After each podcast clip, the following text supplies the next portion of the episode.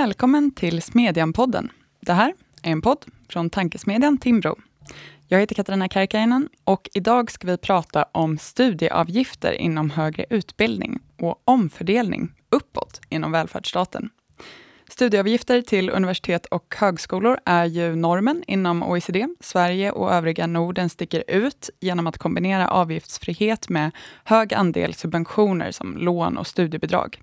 Då och då kommer studieavgifter upp i debatten även här, men betraktas inte sällan som att det skulle strida mot vårt överordnade mål att högre utbildning ska vara tillgänglig för alla. Är det så? Hur hänger studieavgifter ihop med tillgången till högre utbildning? Hur ser det ut i resten av världen? Och hur ska man se på system inom välfärdsstaten som framför allt nyttjas av de bättre bemedlade? Det ska vi prata om idag och det gör vi med min kollega Adam Danieli. Välkommen. Tack så mycket. Och Oskar Kvarfort, student i juridik och filosofi vid Uppsala universitet, tidigare vice förbundsordförande för Centerstudenter och rapportförfattare här på Timbro. Välkommen. Tack, roligt att vara här.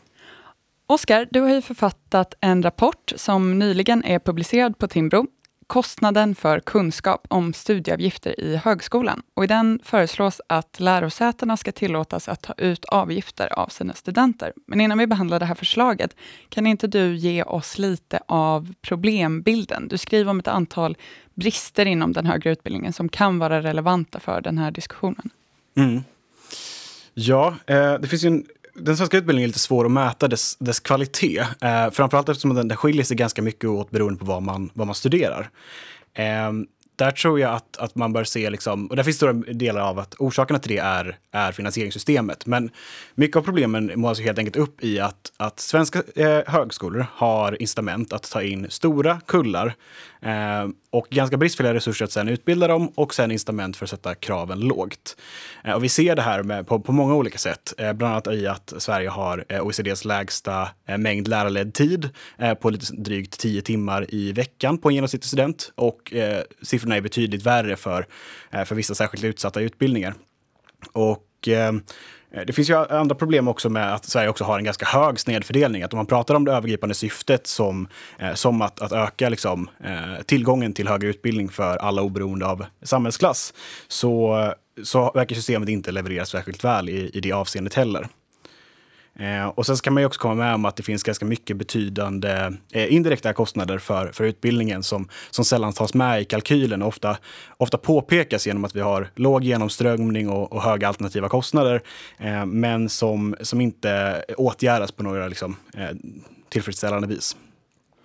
Och vad är det då som du föreslår?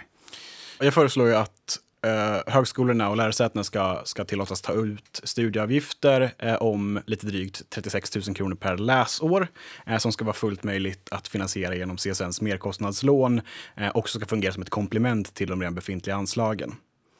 Eh, och utöver det så föreslår jag en lite mer genomgripande form om hur eh, staten fördelar pengar till, till universiteten och eh, högskolorna för, för att bedriva grundutbildning. Och där då att göra, platta ut bidrag eller anslagen mellan olika utbildningsformer och sen att avskaffa den, den prestationsbaserade anslaget som utgör lite drygt hälften av, av det totala anslaget. Just det. Och vilka skulle vara de viktigaste konsekvenserna av det här som du ser det? Ja, eh, det finns ju lite olika effekter som det här skulle kunna tänkas få. Eh, den främsta är ju att det, eh, det, med stor sannolikhet skulle snabba på genomströmningen på, på svenska lärosäten. Eh, Sverige, svenska studenter är de äldsta i OECD när de, de tar sin första examen eh, och eh, börjar närma sig 30 eh, vid laget det, det, där det är dags. Och eh, det har betydande, betydande samhällskostnader i att, att det kortar ju tiden som som människor är på arbetsmarknaden och det kortar den produktiva delen där de liksom är klara med utbildningen och kan förvänta sig att få ut liksom mervärdet av sin utbildning på arbetsmarknaden, vilket innebär eh, väsentliga väsentliga samhällsekonomiska kostnader. Eh, så det är en del. Eh, det skulle också ge mer eh, resurser till, till utbildningarna. Vi ser att anslagen till, till varje utbildningsplats har sjunkit ganska successivt under de senaste 20 åren. Och det skulle behövas en ganska, ett ganska väsentligt ökat anslag till, till utbildningarna. Och det här skulle vara ett, ett smart sätt att göra det. Det skulle också ge bättre möjlighet för studenter att ta tillvara och bevaka sin egen kvalitet och ställa krav på sin kvalitet. Eh, och det har vi sett i, i Sverige redan att, att det finns eh, eh, lärosäten som, som har uppvisat bristande kvalitet och där, där utländska studenter har kunnat återfå sina studieavgifter eh, efter att eh, ha klagat i domstol. Och det, det sista och kanske viktigaste är att det bättre skulle spegla de eh, direkta och indirekta kostnader som samhället har eh, kontra vad studenten har. Eh, och på så sätt få eh, studenter att, att, välja, Eh, att välja smartare och även eh, på sikt kanske minska den regressiva omfördelningen. Om man tänker specifikt på den här eh, delen om studieavgifter, eh, där du som du sa eh, föreslår att eh, lärosätena ska få ta ut de här studieavgifterna. Eh, det kommer, och du föreslår att de ska begränsas, så att det nu skulle vara drygt 36 000 kronor per, per läsår. Eh, och att man skulle då, eh, de här studieavgifterna skulle man kunna finansieras genom ett merkostnadslån eh, med CSN. Mm. Hur ser det ut om man jämför det här då med läget internationellt. Du skriver ju att fram till 1950-talet var universitetsutbildningar i stora delar av västvärlden avgiftsbefriade i praktiken, men sen när man då började den här utbyggnaden av lärosätena, tog in fler studenter, så blev det mer vanligt. Och idag är det normen inom OECD. Hur ser systemen ut där jämfört med det här och vilka liksom länder kan vara relevanta att titta på? Mm. Det finns ju väldigt stora skillnader i, i hur, hur de olika systemen fungerar och finansieras. Och, och på det mest enkla sättet kan man väl kategorisera i fyra olika kategorier. Det finns en kategori som har låga studiestöd och och höga studieavgifter där liksom den, den offentliga inblandningen i högre utbildning är ganska låg. Det brukar i regel vara eh, liksom nyindustrialiserade ekonomier som i regel behöver bygga ut sin utbildning fort men inte nödvändigtvis har de, eh, de stora skatteunderlaget för att bekosta det med allmänna pengar. Eh, sen har man en kategori där, där avgifterna i regel är ganska låga men att även de offentliga anslagen och stödet till studenter är ganska lågt. Eh, och där hittar du framförallt eh, Sydeuropa eh, och där har, fungerar det oftast med, eh, med någon kombination av eh, merit eller eh, behovsbeprövade bidrag till, till socioekonomiskt svaga studenter eh, och ofta symboliska studieavgifter. Eh, så att det är ganska lågt i båda delarna. Den, den tredje kategorin, och kanske de jag har kollat mest på, är eh, de länder med väl utbyggda studiestödssystem, i regel med, med stora eh, offentliga långivare till studenter, men som också har betydande studieavgifter. Och där ser man länder som, som Kanada, Nederländerna, man ser Australien och man ser Nya Zeeland framför allt, som, som är de jag har kollat lite närmare på. Eh, och sen så finns det eh, den, eh, som vi var inne på tidigare, den, den liksom skandinaviska modellen där, där även om folk påpekar att det finns en, en ganska stor likriktning mellan de skandinaviska länderna så skiljer sig systemen ändå ganska väsentligt åt. Eh, Sverige sticker ut även bland, bland Skandinavien, men delvis tillsammans med, med Norge med, med inga avgifter och eh, väldigt utbyggda studiefinansieringssystem. Eh, men, men eh, Finland och Danmark har lite lägre grad av, av anslutning till, till de offentliga eh, studiestödssystemen, men i regel med, eh, utan avgifter. Eh, om man kollar då lite mer specifikt på, eh, på Kanada, Nederländerna och kanske Australien så, så ser vi att där finns det, finns det en generell likriktning. Att man kombinerar någon form av system med, med lån och bidrag till, till alla studenter med avgifter i någon form av begränsat omfång. Och där, brukar, där, där finns ett spann mellan ungefär 20 och 50 000 kronor per per läsår um, i, i, avgifter. Och med det förslaget som, som jag föreslår så skulle Sverige sig ganska bekvämt i, i mitten av de här, de här länderna. Och som du säger så är tanken då att det här skulle ha konsekvenser på eh, kvaliteten på, på utbildningen, eh, valet av utbildning och också genomströmning för studenterna, att man skulle ha så att säga incitament att, att eh, bli klar snabbare. Jag tänker att i den andra eh, vågskålen, så som man ser det traditionellt, så ligger lite den här frågan om högre utbildning och, och, och socioekonomi. Jag upplever att det här är egentligen den del som gör frågan om studieavgifter svår i Sverige. Vi har en väldigt stark uppfattning om att det här över överordnade målet att högre utbildning ska vara tillgänglig för alla är väldigt viktigt och, och, och liksom rättfärdigt så på många sätt. Även som liberal eller borgerlig så är ju den här idén om att människor dels ska kunna tillförskanska sig kunskap och att man på olika sätt ska kunna förbättra sin egen situation, göra klassresor, är väldigt viktig såklart. Och det känns ju intuitivt som att gratis utbildning är ett sätt att, så att säga, göra den tillgänglig för alla i befolkningen. Men ni båda, eh, både Oskar och Adam, komplicerar den här bilden lite grann. Eh, så till att börja med, hur ser det ut i Sverige idag? Hur är så att säga, den socioekonomiska sammansättningen på våra universitet och högskolor? Mm. Den jag kan börja med att instämma i att, att det är väldigt viktigt att, att din, liksom, dina föräldrars plånbok inte ska spela någon, någon roll för för vilken eh, chans till utbildning du, du har. Eh, och det, det, liksom, det instämmer de, de flesta liksom västerländska länder i, att, att det, det instrumentet är, eller den, den principen är viktig. Eh, och kollar man på Sverige idag så kan man ju se att, eh, att Sverige inte lyckas särskilt bra med det här målet. När eh, den berörda myndigheten skrev en rapport om, om frågan så döpte de eh, rapporten till Utbildning går i arv. Och det går också att se liksom, i internationella jämförelser att, att Sveriges eh, grad av snedfördelning är högre än snittet i OECD. Och, och det finns många olika anledningar till det. Eh, men, men mycket av den liksom, internationella jämförelsen pekar just på att det, det kanske inte är i högskolan man ska börja och titta på varför, varför snedfördelningen finns där. Just det, det skulle kunna vara andra saker som Ja, alltså det finns, ju, det finns ju ganska mycket som man kan tala för de här olika systemen. Dels så kan man ju se att i, när man jämför länder eh, som har studieavgifter och inte har studieavgifter, så ser vi ingen, ingen generell, eh, generell korrelation mellan att ha studieavgifter och hög social snedfördelning. Eh, och även när man kollar på specifikt på länder när de inför studieavgifter så ser vi ofta ingen eh, tydlig effekt på, på den sociala sammansättningen. Eh, eh eller i sådana fall en väldigt liten effekt. Och det beror ofta på att det finns eh, sociala stödsystem som kompenserar för det och helt enkelt liksom eliminerar likviditetsproblemet som, eh, som studenter från fattiga hem skulle kunna stå inför. Och eh, kollar man då på var, liksom, varför man kan förklara den här snedfördelningen i Sverige så är det väldigt, eh, är det väldigt enkelt att kolla på att, att Sverige har en grund och gymnasieskola som, som inte möjliggör de klassresorna som, som skulle vara nödvändiga för att liksom, eh, åtgärda problem på högre utbildning.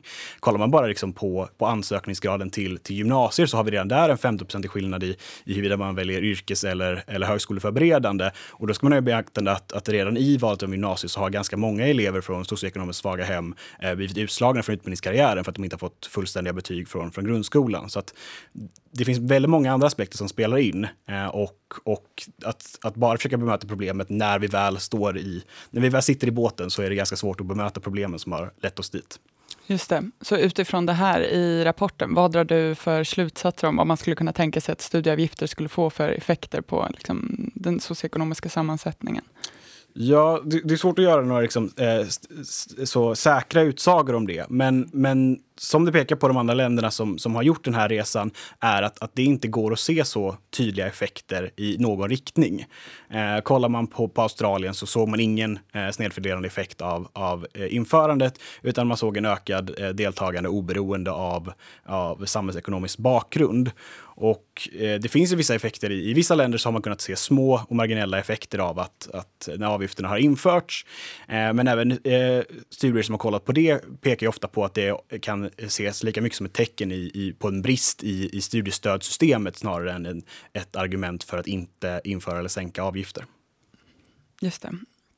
Eh, Adam, i en text som vi nyligen har publicerat av dig, Välfärdsstaten är ingen Robin Hood, så skriver du inte på något område är regressiviteten, alltså omfördelningen från fattig till rik, lika uppenbart orättvis som på utbildningsområdet.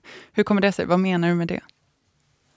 Jag, jag menar väl ganska mycket av det som Oskar redan har tagit upp. Att trots att vi som land och som de flesta välfärdsländer har motiverat väldigt mycket av den offentliga utbyggnaden. Alltså utbyggnaden av offentliga transfereringssystem och, och, och välfärdstjänster och sådär med att det ska hjälpa människor som, som eh, har det svårt i samhället eller som på något sätt är i, i nedre delen av inkomstskalan så slutar väldigt många offentliga system med att man istället transfererar pengar i, i antingen bara runt, eh, det vill säga till samma person som har betalat in dem, eller faktiskt uppåt i inkomstskalan.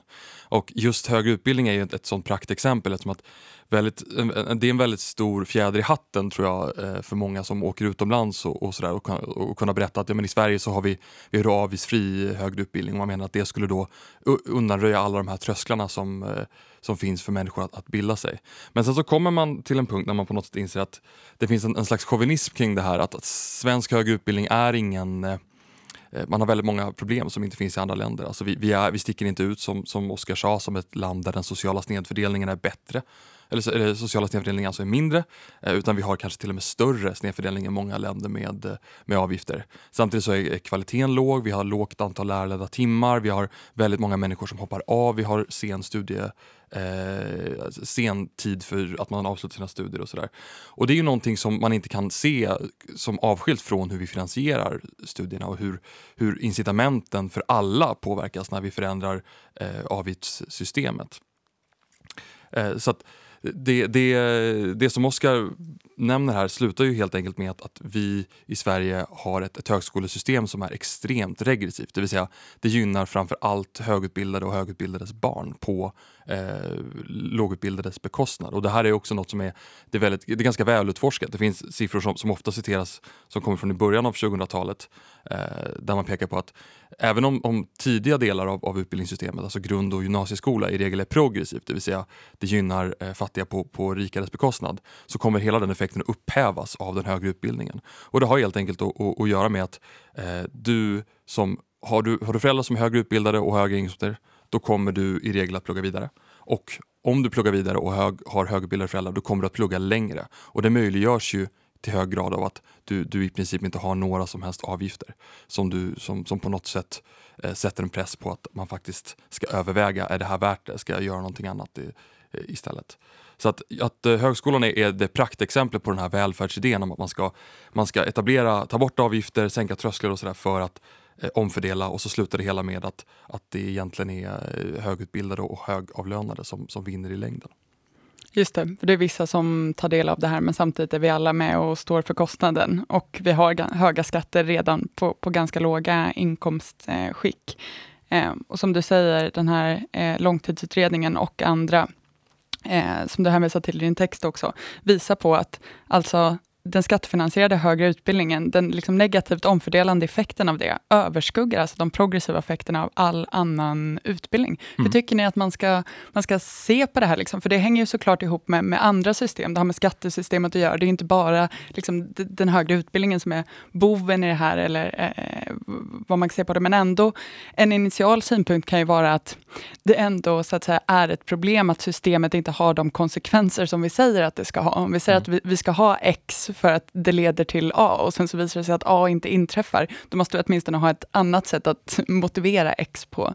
Ja, nej, men jag tänker att, att så här, det, man kan ju argumentera för att, att ett regressivt system ändå kan vara befogat i vissa sammanhang. Så här, skulle det göra så att om vi kollar på systemet och det säger att det här är vår enda lösning för att eh, ändå garantera att människor faktiskt får sig en utbildning oberoende av föräldrarnas plånbok, då kanske det hade, hade kunnat vara en, en motiverad insats. Eh, men det argumentet håller ju inte om vi börjar se på alternativen och ser att, att svensk, den svenska lösningen varken leder till särskilt bra res, eh, måluppfyllelse eller är speciellt liksom effektivt eller eh, kostnadseffektivt eller gynnar kvalitet. Så där har man ju liksom en, ett ett vågskål i att om det finns andra lösningar så bör de vara intressanta. Och eh, där tror jag väl att, att det liksom finns ett problem med den här typen av regressiva system. Men just det, man kan ju ändå tänka sig att eh, det finns som ett värde i tillgängligheten, trots att den avgiftsfria utbildningen då de facto inte nyttjas i någon högre grad än i andra länder av personer med sämre eller så att säga, liksom svagare socioekonomisk bakgrund. Men eh, givet att när man ändå väger det mot de andra systemen, så skulle den, den liksom förbättringen ändå väga över tillgängligheten, så att säga. Tillgängligheten på pappret då. Mm. Kan det ändå vara så att det liksom finns något värde för samhället i stort, eh, så som det ser ut idag, eller ett sätt liksom för höginkomsttagare att få tillbaka? Om man vrider och vänder på liksom det här med rättvisa och omfördelning, finns det något perspektiv i vilket den här regressiva konsekvensen i sig är eh, legitim? Tänker för de flesta skulle ändå vara rättvisa kan vara omfördelning till de som har det sämre ställt. Dels för att vi tycker att ojämlikhet har liksom negativa konsekvenser eller därför att vi tycker att klassresor i sig har, har ett syfte. Eller man kan tycka att ingen omfördelning mm. är eh, legitim därför att man ska bara liksom stoppa in och, och, få ut själv. Men just den här omfördelningen från sämre bemedlade till bättre, det är kanske svårt att motivera. Alltså jag tror man, man, får titta på lite olika, alltså när, man, när man säger ordet omfördelning så tänker man ju i princip bara att man, man omfördelar Eh, man, en person betalar och en annan person får ut. Och om det är olika personer som betalar och får ut så är det någon form av omfördelning. Men jag tror att om man ska... Det som många politiker tar miste på här och det, det man blandar upp korten, det är att det finns olika typer av omfördelning. Och man kan säga att, att i, i grund och botten så finns det två typer. Den ena är temporär omfördelning, det vill säga att vi omfördelar i tid.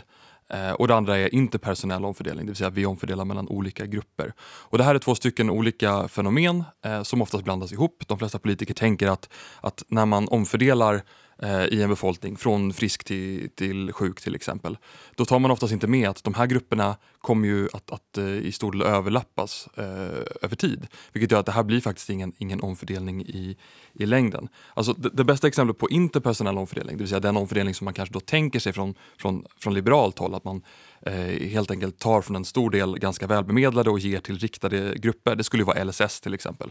Där är ju överlappet mellan de som betalar in och de som får ut nästan, nästan obefintligt. Om man skulle ta temporär omfördelning istället, det vill säga sånt som i, i största grad är omfördelning över tid, ja då skulle man kunna ta exemplet pensionssystemet. Att där är det väldigt mycket så att du som betalar in, du får också ut. Det är bara att du har skjutit upp din, din inbetalningen sker eh, tidigare än, än utbetalningen helt enkelt. Och när det kommer till den interpersonella omfördelningen, där tror jag att det finns ett ganska bra case man kan göra för att, att på något sätt hålla uppe någon slags lägsta nivå i, i samhället. Eh, både vad gäller eh, utbildning som vi pratar om här men, men också kanske ja, men LSS och, och vissa typer av, av, bidragssystem för människor som har hamnat utanför på olika sätt. Problemet i Sverige är ju att när vi pratar om omfördelning då pratar vi nästan bara om den temporära omfördelningen. Och den är, den är väldigt, väldigt hög i Sverige. Det vill säga att vad politiker gör är att man tar av människors eh, inkomster och sen så bestämmer man vad de ska använda dem till och så får man tillbaka dem eh, liksom längre fram i tiden. Och Det här är ju någonting som vi egentligen inte behöver politik till överhuvudtaget. Så där är det väldigt svårt att hitta en, en legitimitet i och med att eh, att, att tvinga människor att göra pensionsavsättningar, vilket pensionssystemet till, till stor del handlar om, eh, är ju någonting som eh, som egentligen bara innebär minskad frihet för, för individen. Det är att politiker kliver in och säger att du ska spendera dina pengar på ett, på ett, eh, på ett visst sätt. Det, det kan, man kanske kan motivera utifrån en, en slags paternalistisk tanke att vi ska tvinga människor att, att spara för steget bästa. Men jag tror inte att det finns någon om rättvisa aspekt eller omfördelningsaspekt som gör att den här typen av, av eh, temporär omfördelning kan, kan vara försvarlig från ett liberalt perspektiv. Nej, precis. Det är både det här som du skriver om Milton Friedman och Directors Law, eh, som din text sammanfattar som att eh, alla offentliga välfärdssatsningar i demokratier i slutändan gynnar den välutbildade medelklassen. De som är i mitten på inkomstskalan med stort socialt kapital, på bekostnad av de fattigaste och de rikaste. Och därför menade ju Friedman att det inte är särskilt förvånande att just högutbildad medelklass är mm. stora förespråkare för höga välfärdsutgifter. Och samtidigt så är det ju som du säger nu väldigt lite av välfärdssystemen i Sverige som innebär faktisk omfördelning mellan personer. Det är runt 18 procent och mm. resten är bara den här omfördelningen över tid. Man får pengar när man är student, betalar in dem när man arbetar, får igen när man går i pension.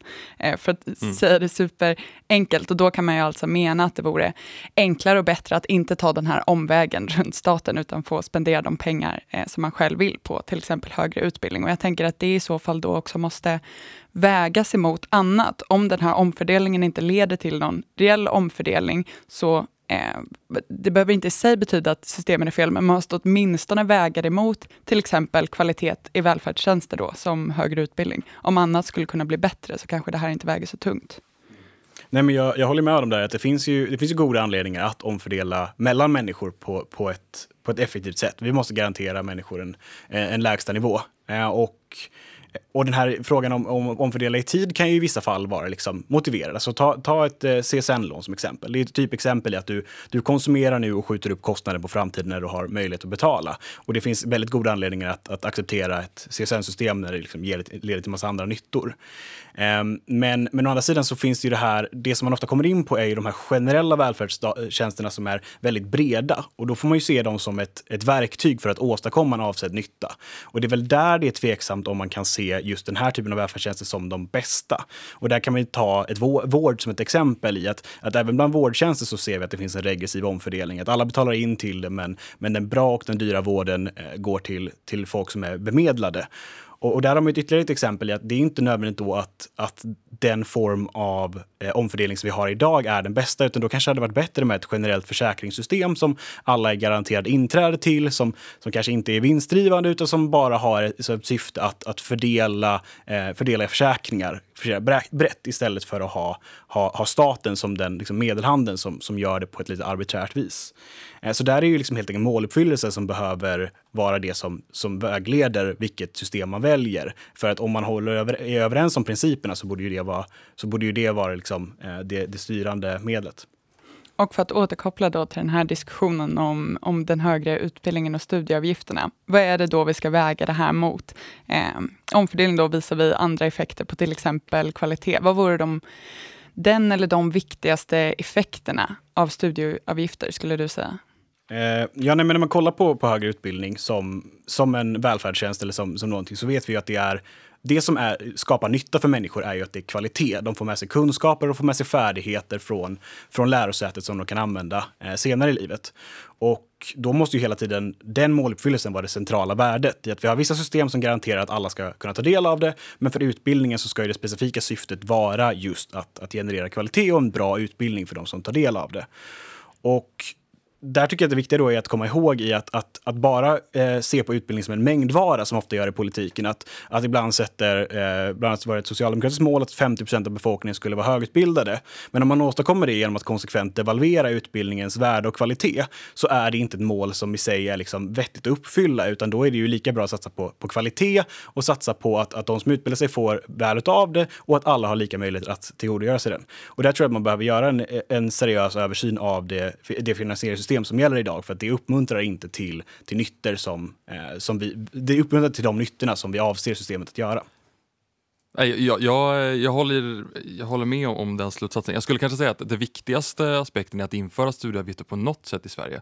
Det viktigaste argumentet är ju, det måste ju vara rättvisa ändå. För att jag tycker att det, det är ganska, på ett ganska skamlöst sätt har man på något sätt sålt in en, en högre utbildning som är avgiftsfri i Sverige eh, till väldigt många människor som då aldrig kommer ta del av den. Vad är det? Ungefär två tredjedelar kommer aldrig att ta del av den här, den här tjänsten. Som att de vinner på att betala för den. och, och det finns ett, ett, det är något som sticker i ögonen med att, att låta människor, att låta utbildningsinflationen gå så långt i en viss del av befolkningen och låta en, en, eh, en viss del av befolkningen dra nytta av en annan del på ett så skamlöst sätt och fortfarande sälja in det som om det här vore någonting som, eh, som alla vinner på. Jag tror att, att eh, ja, att, att man kan flytta diskussionen och, och, få eh, utbildning att handla mer om att det ska vara en investering som man personligen drar väldigt mycket nytta av men som man också, också kan ta ett ansvar för att finansiera själv. Det tror jag skulle vara den viktigaste, viktigaste förändringen om vi fick till en bra debatt och, och kanske införde ett, ett studieavgiftssystem eh, enligt eh, exempelvis dina, dina idéer. Det, det, det är det viktigaste skälet. Med de eh, avslutande orden tror jag att vi får gå in för landning. Om ni tyckte att det här var intressant så hittar ni Oskars rapport Kostnaden för kunskap på timbro.se. Eh, en del av resonemangen finns också sammanfattade i krönikan Studieavgifter skulle gynna studenterna på Smedjan, liksom Adams artikel Välfärdsstaten är ingen Robin Hood, som jag också varmt kan rekommendera. Ni hittar dem länkade i avsnittet och på smedjan.se. Och vi är också så glada att det är många av er som vill prenumerera på vårt nyhetsbrev och som mejlar oss med era tankar och idéer. Har ni sådana får ni gärna höra av er till smedjan timbro.se. Vi ses där och hörs igen här om en vecka.